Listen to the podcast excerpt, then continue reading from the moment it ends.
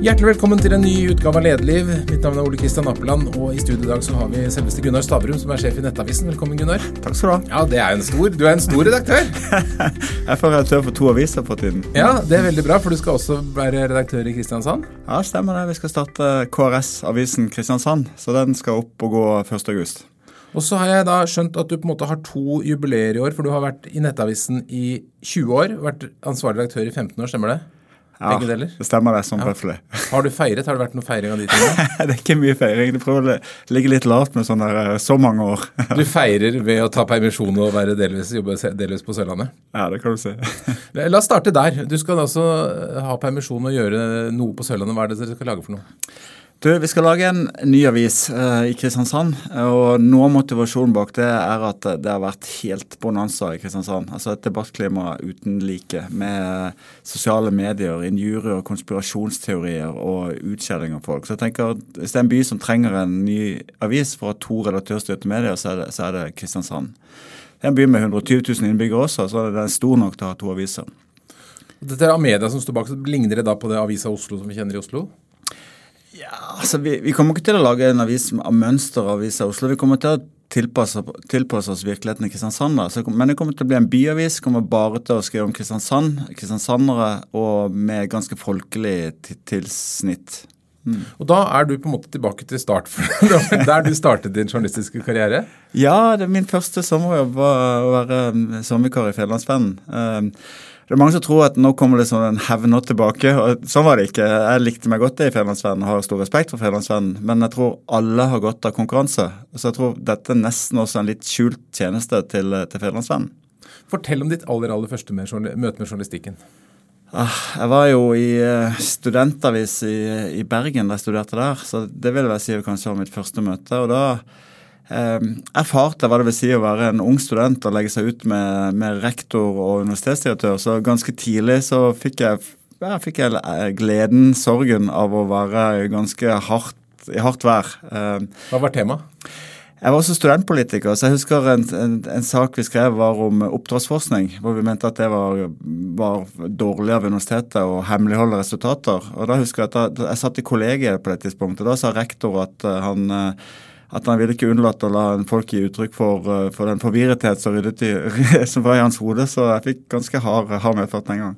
Mm. Men det skremte ikke deg? Nei, det er jo ikke det. Det er jo, eh, Som journalist i dag er jo på en måte egentlig reaksjoner og motstand det som gjør yrket gøy. Eh, altså Særlig hvis du har rett. Ikke så gøy hvis du har feil. Men eh, nei, jeg tenker at det å ha sine meningers mot og, og faktisk stå på ting du mener er riktig, er, er en bra ting. Mm. Du har jo vært, altså, du har jo hatt en veldig langt liv i pressen med Federlandsvennen, NRK Sørlandet, Bergens Tidende, Kapital, Dagens Næringsliv, TV 2, Nettavisen. Altså, uh, har du hatt mye gode ledere på veien? Ja, det har jeg hatt. Um, hatt mye mye dårlige, mye dårlige ledere også, men, men, det var egentlig ikke det jeg mente. Men jeg mente vi har hatt ledere som har vært gode til uh, enkelte ting. Uh, og så få sånn totalt komplette ledere. Men uh, to ledere som jeg har veldig stor respekt for fortsatt, er jo uh, Trygve Hegnar i Kapital. Uh, det jeg lærte av han, var på en måte at å være litt tro mot prinsipper og en økonomisk tenkning. Altså ikke endre regnestykket hvis du kommer fram til et svar du ikke forventer, men liksom stole på analysen du gjør. Det, det er Trygves fremste ting, og modig på det. Kåre Valbrok, eh, som jo dessverre er død, han eh, har på en måte også en slags folkelighet i tillegg. Så, så de to er vel veldig eh, gode mentorer, vil jeg si. Mm. Begge litt sånn representanter for litt sånn gammeldags autoritær lederstil sett fra utsiden? Ja, absolutt. Dog forskjellig. Altså, Trygve identifiserer seg jo sånn med kapital at ethvert angrep på en journalist i kapital også er et angrep på han. Eh, så han, han er med deg i krigen. Eh, Kåre kunne nok være mer eh, han, han lytter nok mer til sin magefølelse, og hvis du gjorde noe feil, så, så fikk du høre det. Jeg har blitt instruert om å sende en unnskyldning til Bengt Almgren en gang, husker jeg. Det var ikke noe jeg hadde lyst til, men det, det fikk jeg beskjed om. Når var det du først tok lederansvar selv? Det var i Kapital. Eh, Var det ønsket? Var det noe du siktet mot? Jeg fikk et uh, fint valg, nemlig et, et lønnsoppgjør. Et, uh, mye lønn eller å bli, bli, eller å bli leder. Og jeg tenkte at det var, det var, økonomisk smart på lang sikt å heller bli leder enn å ta et kortvarig godt lønnsoppgjør. Så da ble jeg, da ble jeg lederredaksjonen. og så siden den gang har jeg alltid vært leder. Mm. Har du liksom en klar filosofi for hva slags leder du vil være?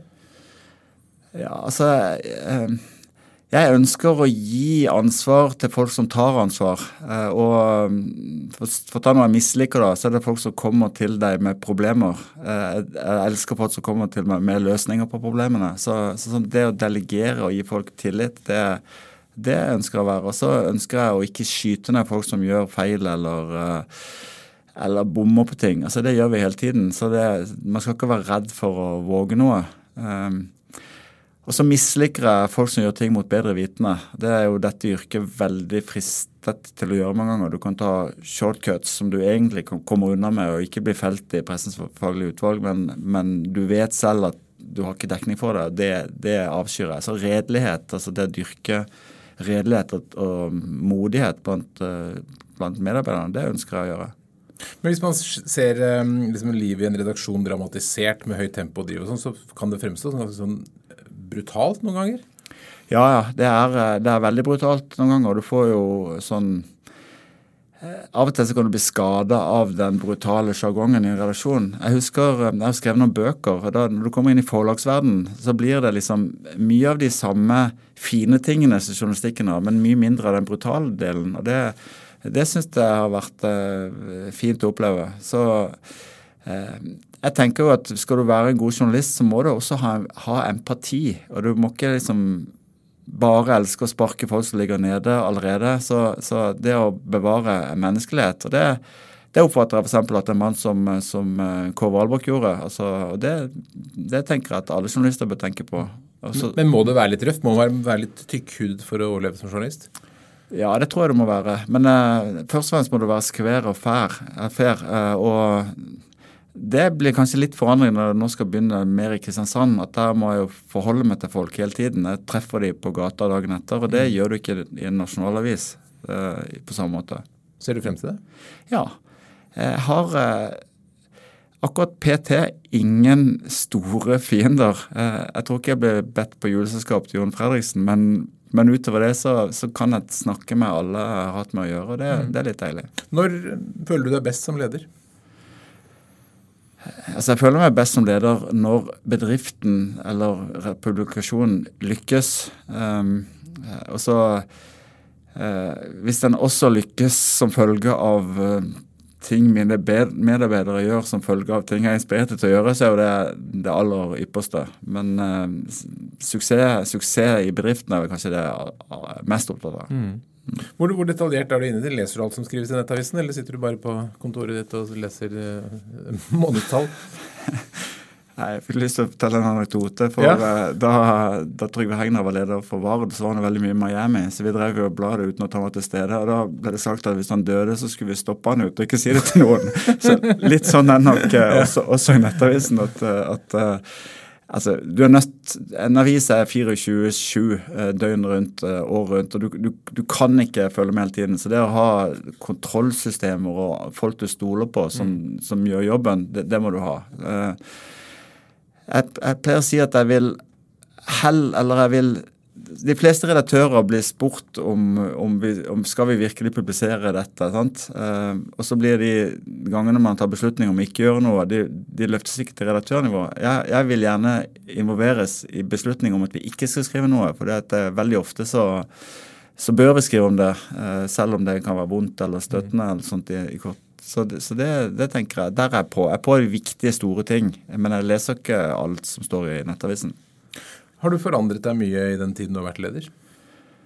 Ja, det vil jeg si. Det er eh, veldig fra å være liksom journalist eh, til å, å, på en måte tenke mest på hva jeg skal gjøre i morgen som journalist, selv om jeg er leder for finansredaksjonen for Dagens Næringsliv, til, til, nå hvor jeg jo jeg skriver bare kommentarer og ikke jobber som journalist. Du blir på en måte heva et nivå i å være, i å være leder og ikke aktiv.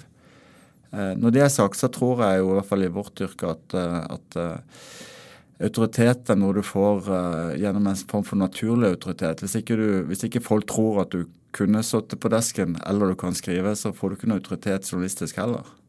Men har medieledelse og liksom klima i en redaksjon forandret seg vesentlig de 40 årene da, som du har vært i media?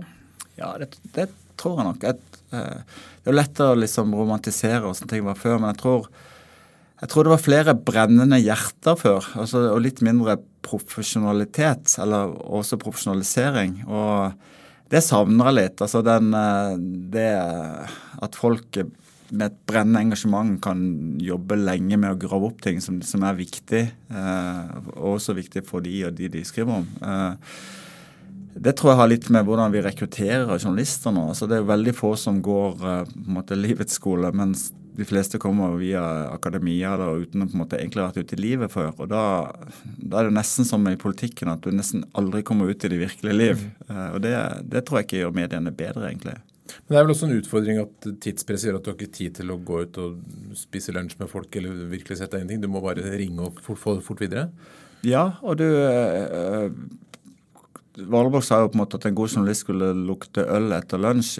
under betydningen egentlig ta den tiden det tar å spise lunsj, og for den saks skyld drikke øl. Men det, det, det, gjør jo ikke folk i særlig grad. Men enda verre enn det at de, de treffer jo ikke folk. Sant? De veldig ofte heller ikke engang snakke med dem. De, alt foregår på e-post og via mm. kommunikasjonsrådgivere. og da, da mister du jo touchen.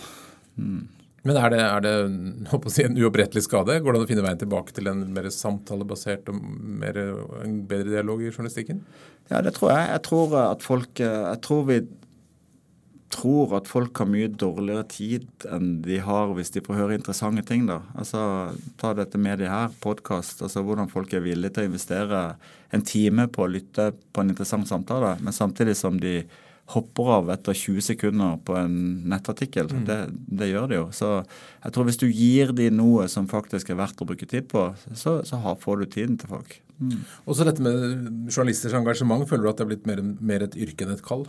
Ja, definitivt. Um, det syns jeg er litt gøy med å starte en ny avis i Kristiansand nå. Det er jo, det er jo mange tiår siden jeg bodde i Kristiansand. Men eh, nå, nå, snakker jeg med sånn type, i, De siste uka har jeg snakka med ja, 50 mennesker sant? Og, som forteller meg om ting vi burde drive på med i Kristiansand. og hvor Eh, Det treffer reelle mennesker å snakke mm. med dem. Det, det syns jeg det, det er litt godt også. Håper du på, på å lukte øl i Kristiansand? ja. Ja, litt sånn i parentes bemerka, så hadde vi jo en, en, en sak nylig hvor, um, fra et nachspiel i, i, Fremskrittspartiet. Ja, det har vel nevnt.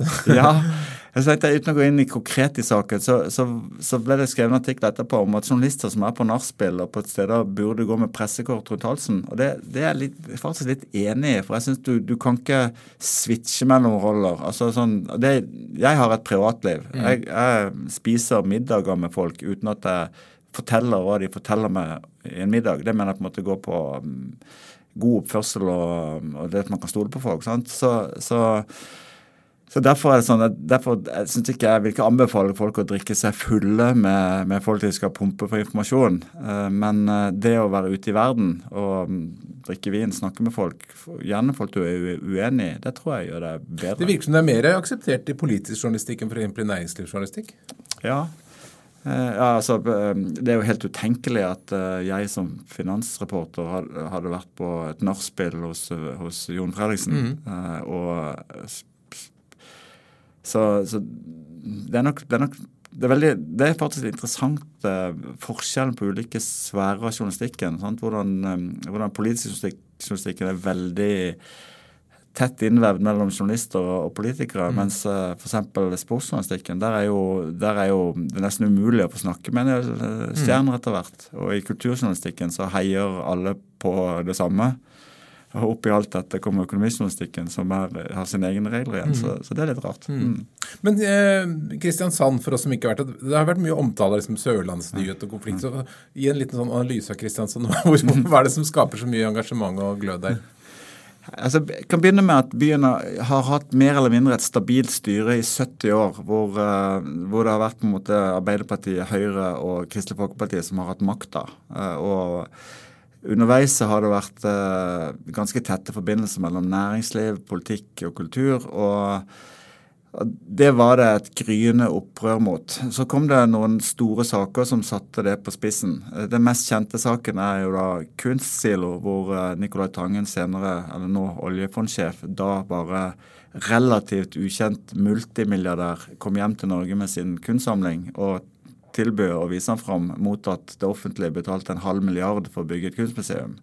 Det er klart I en by med store sosiale forskjeller, lave sosialhjelpssatser og sånn, så, så, ble det veldig fort en sånn fiffen mot folket. Så etter min mening så starta det i Kristiansand på en ganske sunn måte. Et opprør med, med, det som var, og et ønske om forandring. Mm.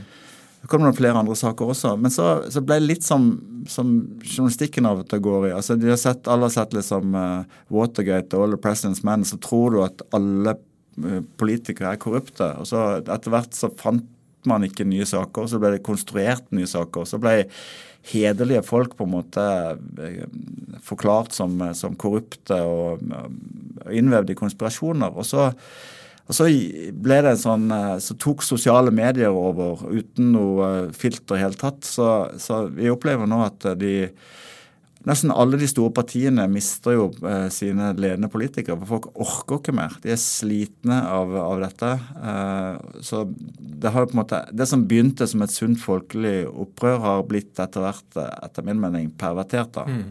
Mm, for, ja. Og så er det jo, eh, eh, Jeg kjenner ikke akkurat Kristiansand, men ellers så ser vi også at det er ikke bare eh, politikere som blir hetset og jaget av sosiale medier. Det kan også skje med journalister. Altså, journalistene har hatt en serie nå med journalister som har skrevet om sykdommen ME, som så, får så mye tyn fra ulike krefter at de slutter å skrive om det. Altså, er det et voksende problem? Ja. Eh, altså de, eh, Før i tiden så ville det på en måte de sinteste reaksjonene vi hadde, det ville vært hvis vi skrev noe stygt om Lillestrøm og Brann eller om Israel. Sant? Men nå er det sånn Det kom et brev, da. Det kom et brev, et sint brev med store bokstaver. Mm. Men nå er det jo sånn Helse ekstremt brennende. Mm. med med eh, korona, koronavaksine. Sant? Og det er, liksom, det er ingen rom for nyanser i dette. Det er sånn Enten så er du liksom myndighetenes nyttige idiot, eller så har du sett lyset. Mm. Eh, og det, det, er veldig skummelt, for jeg tror jo at uh, vi alle kan skjerpe oss litt på det at det er nyanser i de fleste saker. da. Hva er de skumleste temaene å gå inn i? Jeg har nevnt et par av de nå. Uh, vaksine er et sånn type felt som er skummelt å gå inn i. Um, jeg har ikke skrevet noe særlig om meg, men det er ikke fordi jeg ikke kan noe om det heller. Men ja, jeg vil kanskje trekke fram de to. Mm. Mm. mm. Israel, er det fortsatt hot? Nei, det er så få som er så opptatt av det. Men Trump mm. Trump er veldig uh, binært. Uh, enten så er han en helt, eller så er han en fullstendig idiot. og Uansett ved balanserte saker så får du uh, sinte folk mm. på det stoffområdet. Mm. Men Hva blir konsekvensen? Betyr det at en del saker ikke blir dekket fordi journalisten ikke tør å ta det?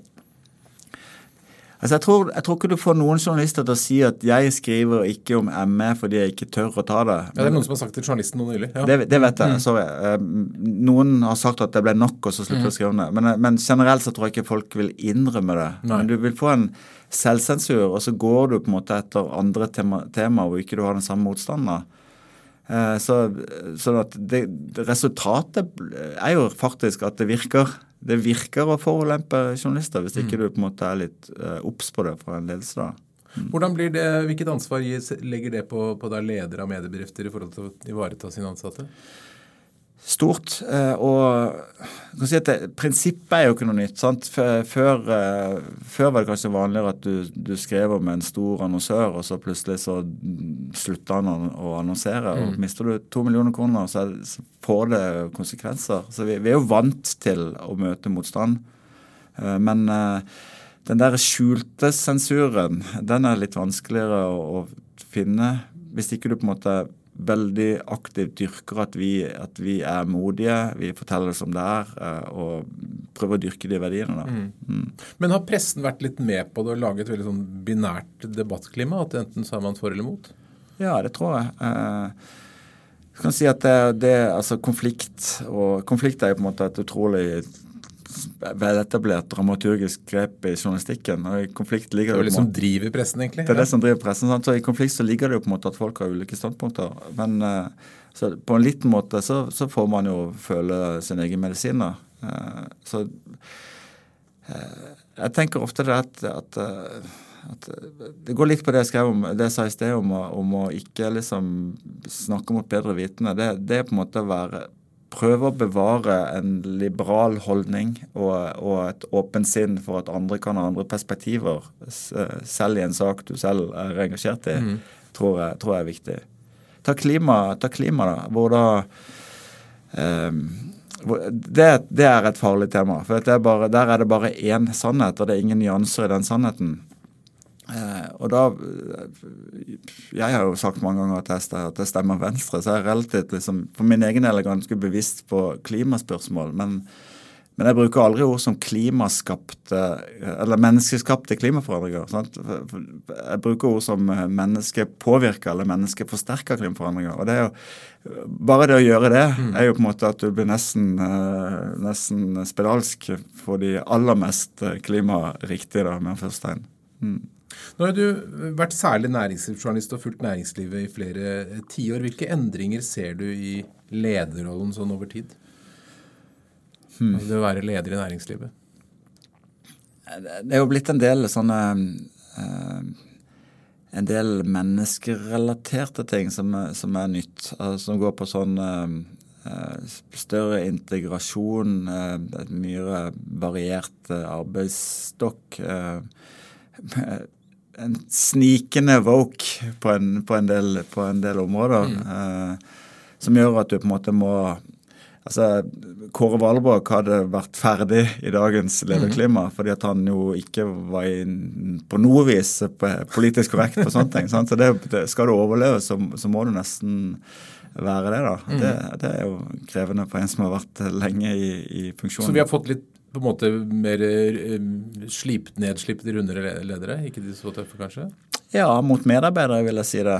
Eh, og eh, en annen, et motstykke av det er jo på en måte at da jeg begynte i yrket, så var det sånn Det var ikke noe spørsmål om at du jobba døgnet rundt, eller at du gikk kveldsvakter, og var det kilder du måtte snakke med to om natta, så snakker du med kilder to om natta. Sant? Men nå, nå er- det gjelder for meg, og nå etter hvert så har vi to barn, og de går i barnehage, og de skal hentes, og vi har, vi har ektefeller som også har aktiv jobb. sånn at eh, det har nok forandra seg. Det er mer blitt en åtte til fire-jobb.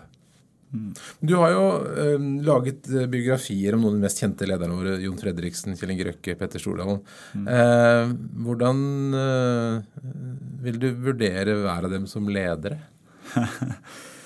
Altså Siden jeg sa at kriteriet for min ledelse er å ha suksess, så vil jeg jo si da at sånn sett er de gode ledere Ja, det har jo fått til noe. målt i, målt i suksess. Men utrolig forskjellige ledere. Eh, Jon Fredriksen vil jeg jo ikke si er en leder, han er en eh, investor. eh, og, eh, og en risikovillig investor, men den mest suksessfulle målt i, målt i, i resultater. Da. Eh, nådeløs og beinhard og, og brutal, eh, men eh, også målretta. Petter Stordalen totalt motsatt. Er veldig opptatt av, av ekstern profil, eh, hvordan han og selskapet framstår. Eh, Begeistringsleder, eh, vil ha med de ansatte. Eh, og så har vi eh, Kjell Inge Røkke som egentlig ganske sånn nerdete og eh, industrielt interessert. Eh, og som jo i veldig stor grad utøver via andre gode ledere. Er flink til å, til å få folk rundt seg. Eh, eh, Røkke er jo sjenerøs økonomisk med, med lederne sine. Uh, historien om Fredriksen er jo på en måte at nesten alle som har vært nær han, har endt i en eller annen konflikt rundt, rundt oppgjør, mens eh, eh, Petter på en måte ikke på samme måte sånn rundhånda økonomisk, men, men rundhånda med seg selv og menneskeligheter. Sånn at det, eh, felles for de alle tre er jo at ingen av de har eh, lang utdannelse. Eh, så interessant min konklusjon er egentlig at det, det finnes mange veier til å lykkes. Og, og de tre har, har, er veldig naturlige ledere basert på hva de selv har. Og det, det tror jeg er en god lederegenskap. da. Mm. Hva er det som har gjort at du har valgt å bruke hundrevis eller tusenvis av timer på å skrive om det? Fascinasjonen eh, rundt uh, hvem er de, hvorfor har de fått det til. Um, og også selvfølgelig den utfordringen som ligger i at uh, ingen av de var i utgangspunktet villige til å åpne bøker og slippe det helt inn. Uh, særlig ikke Fredriksen. så der, der måtte, det var en ekstra motivasjon for deg? Ja, det var jo det. Og på en måte hver Jeg tror folk ikke egentlig vet hvor mye arbeid det er å skrive en sånn bok som uh, til boka om Fredriksen. For nesten hver setning må liksom hugges ut med hoggjern for, for, for for faktaene. Mm. Så selve skrivinga går raskt. Men researchen er, er blytung. Du må snakke med mye folk, reise til utlandet, gå i firmaregisteret på Kypros, altså der alt er på gresk. Så liksom, det er en del utfordringer. Og hvordan har, de, har du blitt uvenner med dem, eller venner med dem etter dette? Nei, eh, Fredriksen var jo, han tilbød jo um, to millioner dollar hver for å ikke gi ut boka. Og etterpå ga han en fyr 10 000 kroner for å kaste en øl i hodet på uh, min medforfatter. Så han, han var ikke veldig begeistra. Røkke han, han, har tatt med storisk fatning. Um, da jeg skrev bok nummer to om Røkke, så ringte han meg og sa at uh, skal du skrive en bok til? Så sa jeg ja, men det er ti år siden sist. Så sa han hadde det vært opp til meg, skulle det gå 100 år mellom hver gang du skrev noe. Petter uh, er jo um, mer li likende sånn sett, så han, han, tror jeg også satte pris på å bli skrevet bok om. Mm. Hva, hva kan ledere lære av disse gutta? For de er jo superstjerner i næringslivet. Ja. Jeg tror jeg tror, jeg tror fellesnevner for alle tre er det at uh, veldig sjeldent så er et, en suksess et resultat av at du har gjort en god analyse, hatt uh, fine utregninger på Excel, og så, så, klaffer alt. Altså, Som regel så oppstår det problemer, ting du ikke har forutsett når du gjør noe. Og så gjelder det på en måte Noen har stayerevne til å stå igjennom det. sant? Og det er jo Fredriksen har jo vært nær konk eh, to ganger. Røkke har vært nær konk to ganger. Petter har hatt, har, fikk jo sparken i Stene Strøm. Altså, de har hatt motgang, men de har en utrolig drive mm. til å stå gjennom. Det tror jeg er, er, er, noe å lære for de fleste av oss. Det er aldri så svart som vi tror det er. Mm. Hvem vil du helst hatt som sjef? Jeg tror det hadde vært morsomst å jobbe med Petter Stordalen, eh, men eh, jeg tror jeg hadde lært mest av å jobbe med Kjell Inge Røkke. For han er en ganske god strateg? Kjelling, Eller begge, alle er kanskje det. Ja. Jo, men jeg tror, jeg tror Kjell Inge Røkke er uh, den beste strategen. Han og interessant, altså, på den måten at han Han har jo ingen skolegang. sier selv at han er ordblind. Men forstår finans og, og brikken i det, samtidig som man, som man forstår industri. Sant? Han kan jo diskutere eh, ammoniakkproduksjon med, og så har han veldig god analyse om hva som kommer til å skje om 10 20 år innen den sektoren. Sant? Så, så han, han, eh, han, han, er rett og slett en veldig imponerende figur. Mm. Er dette folk som Nettavisens lesere er interessert i å lese om? Er lederstoff godt stoff? Ja, eh, men det er jo klart eh, vi er jo en tabloidrevis, eh, og de er på en måte mer interessert i personen enn i lederskap mm. per se. Men folk er interessert i, i, arbeidsmiljø og min relasjon til lederen.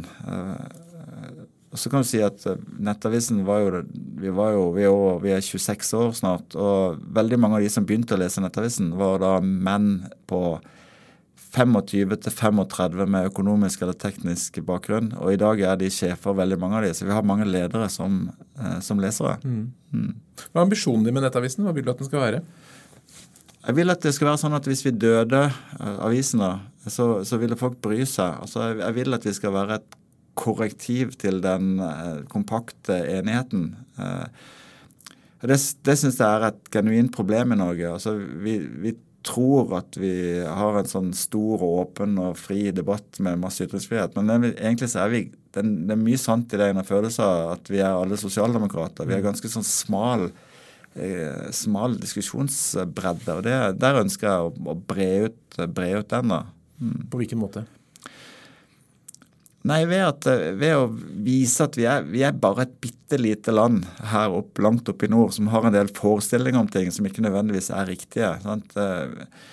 Gro Harlem Brundtland sa at det er typisk norsk å være god. Altså Det er ikke typisk norsk å være god, det er, det, det er typisk norsk å finne olje, liksom. Og det er så, så det, ja, vi trenger å få virkelighetsbildet vårt eh, som pusher litt. Mm. Det tenker jeg det kan være en funksjon. Mm. Nå kom det nettopp en undersøkelse som viste at tilliten til nyhetsmediene i Norge faller, eh, og særlig blant de unge. Altså 44% av nordmenn under 35 år har tillit til nyhetsmedier generelt.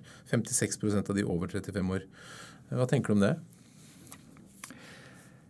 Jeg tenker altså, kan, Det er to sider av, den mynten. Den andre siden er på en måte at, at, norske nyhetsmedier har høyere tillit enn nyhetsmedier i noen andre land. og at vi ligger også på topp når det gjelder på en måte pressefrihet i Norge. Så kan du si at forvalter, Det å forvalte tillit er farlige greier, for du, du, mist, du mister den fort, og det er tungt, tungt å dra den opp igjen. Mm.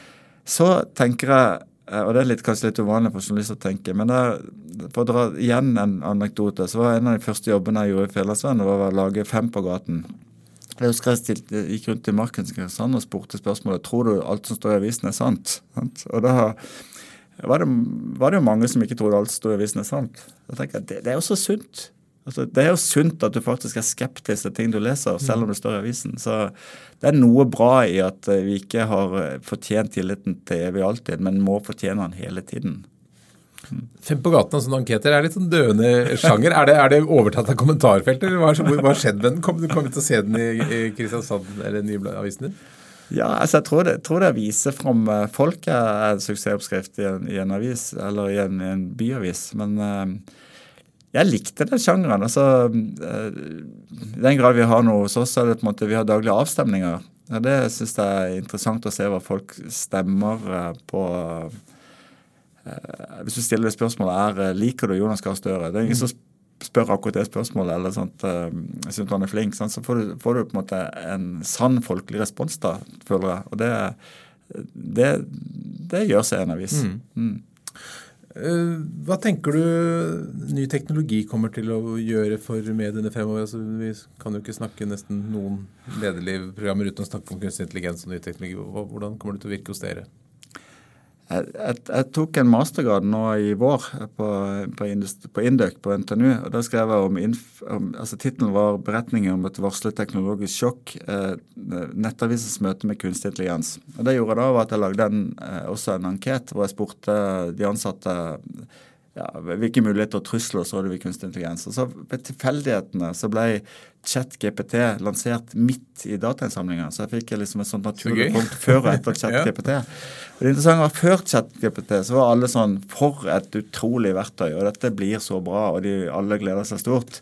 Og så etterpå My God, we're all gonna die. Jobben forsvinner. Mm. Så så jeg tror, Men hvis jeg skal svare på spørsmålet ditt, så tror jeg at jeg eh, så Jeg er ikke blant de som tror at vi kommer til å bli overtatt og drept av maskiner eh, i løpet av noen få tiår. Liksom. Det, det, hvis du går tilbake i historien, så hver gang det kommer teknologiske nyvinninger, så er det ikke grenser for hvor katastrofalt det skal gå, både med samfunnet og med arbeidsplassene. Jeg tror det kommer til å generere masse nye arbeidsplasser. Det kommer til å fjerne mange kjedelige arbeidsoppgaver.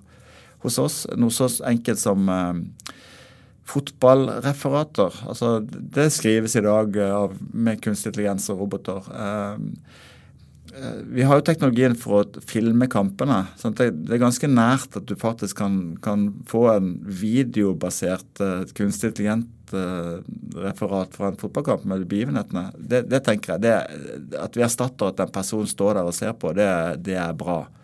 Å ha forklarende faktabokser i artikler og sånt veldig bra. Der det blir vanskelig, det er når du eh, det, det, tenker jeg går når du prøver å lage ting som er dokumentasjon. altså sånn type Du kan konstruere bilder som ser, eh, som ser virkelig ut. Så mm. det, du må ha en etisk tankegang. Men der er jo Vær varsom-plakaten ganske bra. Altså du, du skal fortelle og være transparent på hva ting er. Så Hos oss så er det akkurat nå sånn at vi ikke vil bruke kunstig genererte bilder eh, i situasjoner som kan oppfattes som, som dokumentasjon. Altså reelle personer eller, eh, eller hendelser. Mm. Er dette en ting som stadig diskuteres i Nettavisen? Ja, ja. Det er, det er superhot tema internt. Og så er det jo sikkert likhet med de andre mediene veldig mange muligheter vi til nå ikke har tatt i bruk. Men i likhet med VG så har vi lagd et, et, program som, som stenograferer et intervju. Det er jo veldig arbeidsbesparende. Så jeg tror vi kommer til å få bedre aviser som følge av kunstig intelligens. Mm. Men tenker du at det trengs regler, begrensninger? Ja, det gjør jeg. Jeg tenker i hvert fall eh, altså Hvis du mener at det, det bør statlig styring til, eller var det, for, var det SV som ville ha forbud mot kunstig intelligens? Da jeg, lykke til, da må du legge bort mobilen din. Mm. Eh, så, så, tenker jeg kanskje mer enn etisk bevissthet. At du, at du tenker gjennom hva det brukes til. Eh, også, men ikke altså jeg husker ludittene. Da, da vevemaskinen kom, så, så, slo de i stykker maskinene. Sant? Altså, reaksjonære holdninger til ny teknologi har aldri egentlig vunnet fram. Mm. Men eh, kan det være at disse ref smarttelefonene, altså kunstige, eller våre, våre, digitale assistenter, begynner å fortelle oss nyhetene sånn at vi slipper å gå inn på nettavisen? For eksempel, at det kan være en trussel for mediene at, at telefonene våre plukker nyhetene for oss? Ja, og uh, det er jo en trussel vi ser uh, allerede. Sant? At du uh, type, Typisk store globale aktører som har mye penger til, til forskning, bruker jo våre nyheter uten å ha brukt en krone på å lage de, og allikevel tjener på de. Men det er jo som Facebook og Google har drevet på det, med det i mange år. Mm. Så du er ikke bekymret over at mediene kan eh, dø av dette? Jo, jeg er kjempebekymra for det. Og så er jeg mm. også kjempebekymra for uh, den antatt sikreste løsningen på det, nemlig at vi alle skal bli mer og mer avhengig av statsstøtte. For det er jo Jeg syns det er et superproblem at, at mediene i Norge mottar 8-9 milliarder kroner fra staten. Mm. Altså, det jo, hvis det er noe vi skal passe på, så er det jo staten. Og Det er, liksom, det er eksempel på en diskusjon vi ikke tar i Norge. Er det bra at mediene faktisk lever av staten? Og Det, det syns ikke jeg er bra. Eh, Hva er alternativet? Nei, det... Leve av, av Sparebankstiftelsen DNB, som, som er gjør? Ja, vi, Nettavisen har jo eh, ikke Vi har ikke hatt pressestøtte. Vi har betalt moms og skatt i alle år. Så, så jeg syns det er ganske deilig å si til politikere at jeg skylder deg ingenting. Vi har aldri fått noen ting. Tvert imot har vi konkurrert med Dagsavisen. Men hvis du hadde tatt bort pressestøtte, så hadde det vel vært lite mediemangfold igjen i landet? Ja, vi hadde, vi hadde hatt Nettavisen. Ja, det er det, er det, det, det som er ditt mål. men men uh, alvorlig talt, altså, der har jo Facebook og sånn har jo tatt mye av annonsegrunnlaget. Men tenker du at det hadde vært mulig å drive et, rikt mediemangfold i Norge uten PC-støtte? Ja, absolutt. Uh, og, men hvis du spør liksom, hva, er den, hva er den direkte løsningen, så mener jeg at et punkt én å begynne det er å tvinge disse internasjonale gigantene til å faktisk betale skatt. Eh, og Der utfordrer jeg ofte både politikere og kommuner at de må slutte slutte å bruke, liksom, slutte å bruke de kanalene og, mm. og betale eh, til, til, Facebook for å spre sine budskap. Det er jo direkte undergravende for norske medier. Så, og Det er også en diskusjon som ikke tas i særlig grad? Nei, det er ikke det. Eh, fordi at, eh, jeg tror folk føler på en måte at det er en overmakt. Men det, vi har jo sett land som sier at nå får de sosiale mediene begynne å betale for innholdet de bruker fra nasjonale medier. Nå må de betale skatt. Jeg syns jo norske politikere har vært utrolig tafatte når det gjelder hvordan de skal håndtere de store internasjonale gigantene. Mm. Mm. Hvis du ser fremover, tenker hvordan vil da denne nye avisen din i, i eh, Kristiansand eller, eller, nettavisen se ut, tenker du sånn om ti år? Det som er rart hvis du ser tilbake 25 år, det er jo at at når den nye teknologien kom, altså HTML og webteknologien kom, så, så, kunne du tenkt deg at uh, formidling av, av, nyheter skjedde på en helt ny metode. Sant? Altså Likevel så, så emulerte, så etterligner alle nettavisene en papiravis. Sant? Mm. Det, ser, det er titler, altså det er akkurat de samme dramaturgiske mm. grepene. Bortsett fra at du ikke blar. Men uh, det gjør du jo i e-utgaver. sant? Uh, så, så den vanen som sitter sitter i måten du konsumerer uh, nyheter på, den, den, har vært utrolig robust. Um, så ser jeg jo at det er jo Det har vært spede forsøk på sånn uh, andre rullefortellinger og mer videobruk og til viss grad sånn virtual reality-ting. Men det har, ikke, det har, liksom ikke endra spillet. Så jeg er sannelig ikke sikker på om det blir så veldig annerledes med, med, med de som i dag er våre brukere. Men, men spør du min eh, datter på 19 hva, hva hun bruker, sånn, så er, hun er jo ikke innom en, verken en papiravis eller en nettavis. Ikke Facebook heller. men det er Snapchat og TikTok som er liksom de store tingene. Og det er jo en helt annen formidlingsting. sant? Det, det er 30 sekunder lyd og video og bilde. Og så heldigvis Bekymrer det deg? Hæ? Bekymrer det deg?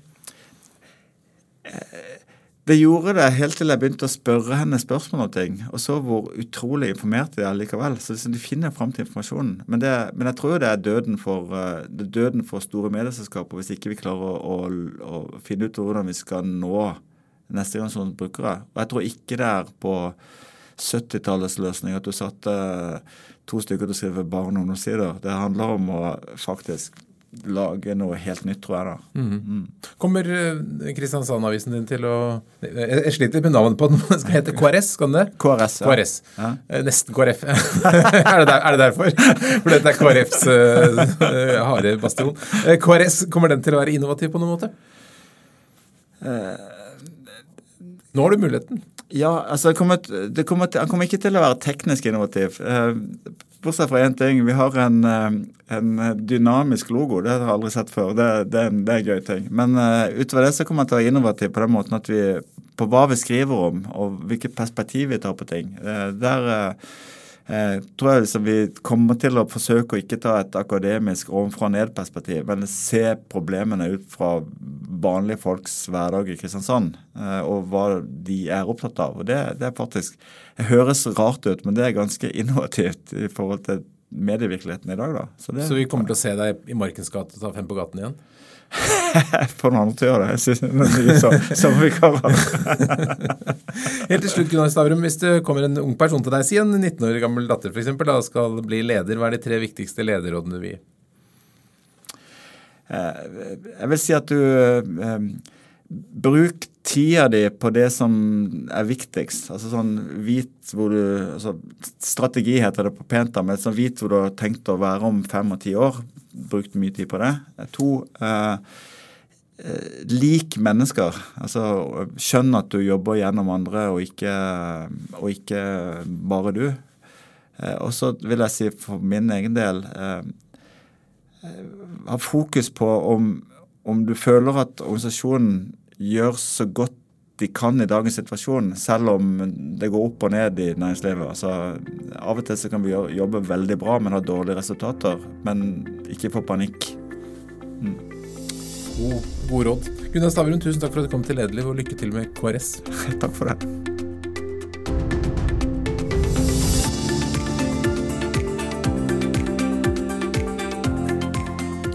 Lederliv er en podkast fra Apeland. Redaksjonen består av Ingrid Hogneland, Johanne Eidsvoll, Lars Jarle Melum og meg som heter Ole Kristian Apeland. Og du er hjertelig velkommen til å sende ros, ris, tips om ledere eller hva du måtte ønske til oleatapeland.no. Takk for at du lytter.